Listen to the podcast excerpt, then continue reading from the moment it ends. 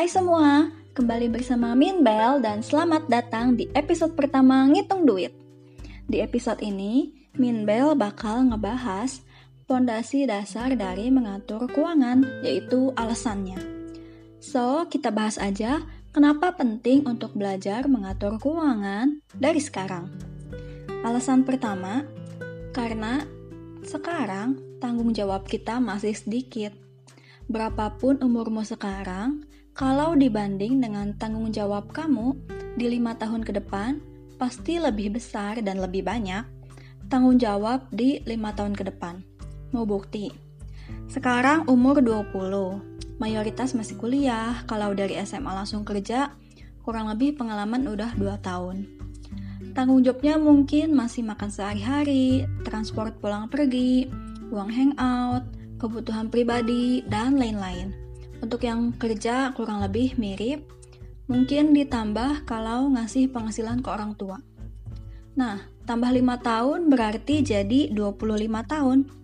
Yang tadi kuliah udah kerja, yang langsung kerja pengalamannya udah 7 tahunan. Bisa jadi udah menikah.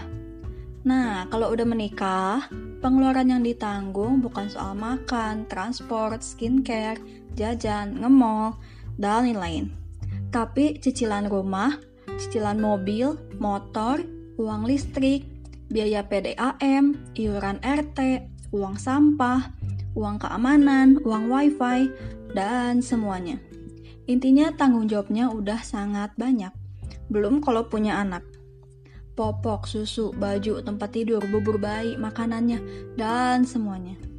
Semakin banyak tanggung jawab, semakin sulit ngaturnya.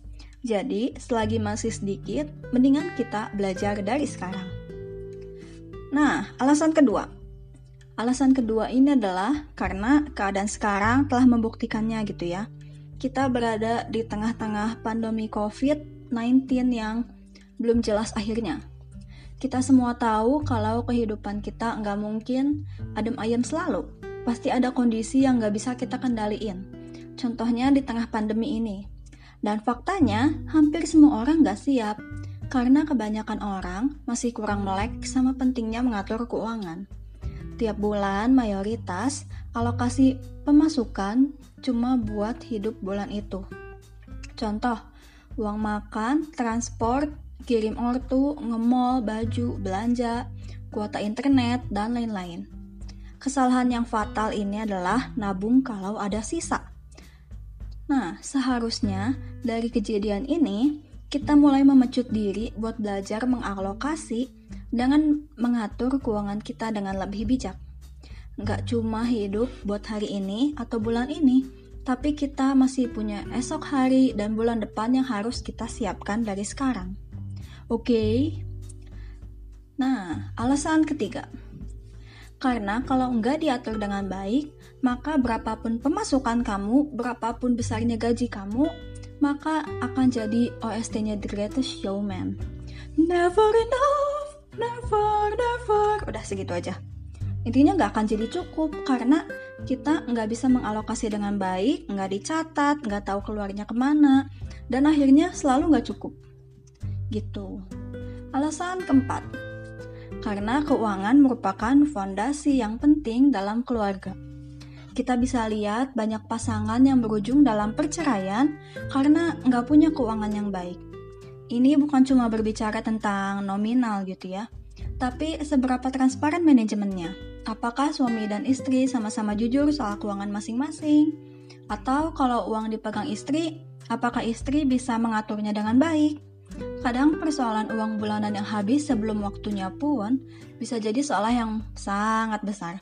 Contohnya percakapan ini yang sering banget kita dengar ya. Pah, uang bulanan udah habis. Papahnya balas, Hah, kok bisa? Dan sang istri mulai menangis. Padahal pertanyaannya simpel, Hah, kok bisa? Kalau memang pengeluarannya sedang banyak, contohnya anak tiba-tiba masuk rumah sakit, tiba-tiba harus ada ini dan itu maka uh, wajar gitu ya kalau habis lebih cepat tapi kalau memang istrinya nggak bisa uh, mengatur atau dalam keluarga itu tidak diatur dengan baik maka hal-hal sepele seperti keuangan sepele tapi penting bisa jadi sebuah masalah yang besar. Nah, kalau dari muda kita udah terbiasa mengatur keuangan pribadi, maka akan lebih mudah untuk mengatur keuangan dengan tanggung jawab yang lebih besar. Nah, kita ke alasan terakhir. Ini bisa dibilang alasan pribadiku, karena Tuhan minta kita hidup berhikmat dan bijaksana. Maka aku yakin aspek keuangan juga termasuk dalam hal ini gitu ya. Uh, kita hidup banyak banget aspek dalam hidup kita yang kita kerjakan tanggung jawab kita sekolah uh, kita harus berhikmat juga dalam agama kita dan lain-lain. Tapi aku yakin keuangan ini termasuk di dalamnya gitu ya. Semakin kita bijak dalam keuangan maka aku udah memenuhi apa yang Tuhan minta dalam hidupku. Nah yang kedua alasan pribadiku kalau kita setia pada tanggung jawab kecil Tuhan pasti percayakan dengan tanggung jawab yang lebih besar. Kalau kita bisa mengelola keuangan kita ketika jumlahnya nggak seberapa, pemasukan sebulan cuma 500 ribu tapi kita bisa mengelola dengan baik, Tuhan pasti lihat dan percaya sama kita. Mau ngasih kita rejeki yang lebih besar lagi, karena kita memang bisa dipercaya untuk rejeki yang lebih besar. Tuhan juga lihat-lihat kan, ketika hambanya yang hartanya belum seberapa, tapi selalu habis buat hal yang gak penting. Bakal lebih susah untuk Tuhan percayakan harta yang lebih besar. Habisnya juga buat hal yang gak penting gitu. Tapi kalau kita selalu pergunakan uang dengan bijak, contohnya berdonasi, punya tujuan jangka panjang, dengan uang yang dititipkan sekarang, harta kita berdampak baik buat orang lain. Nah ini aku percaya, Tuhan gak akan pelit untuk memberikan hambanya rejeki yang lebih besar. Yeay, jadi kelima alasan ini adalah alasan yang menyemangati Min Bell juga buat mengatur keuangan dari sekarang. Itu dia. Semoga bermanfaat buat teman-teman ngitung duit semua.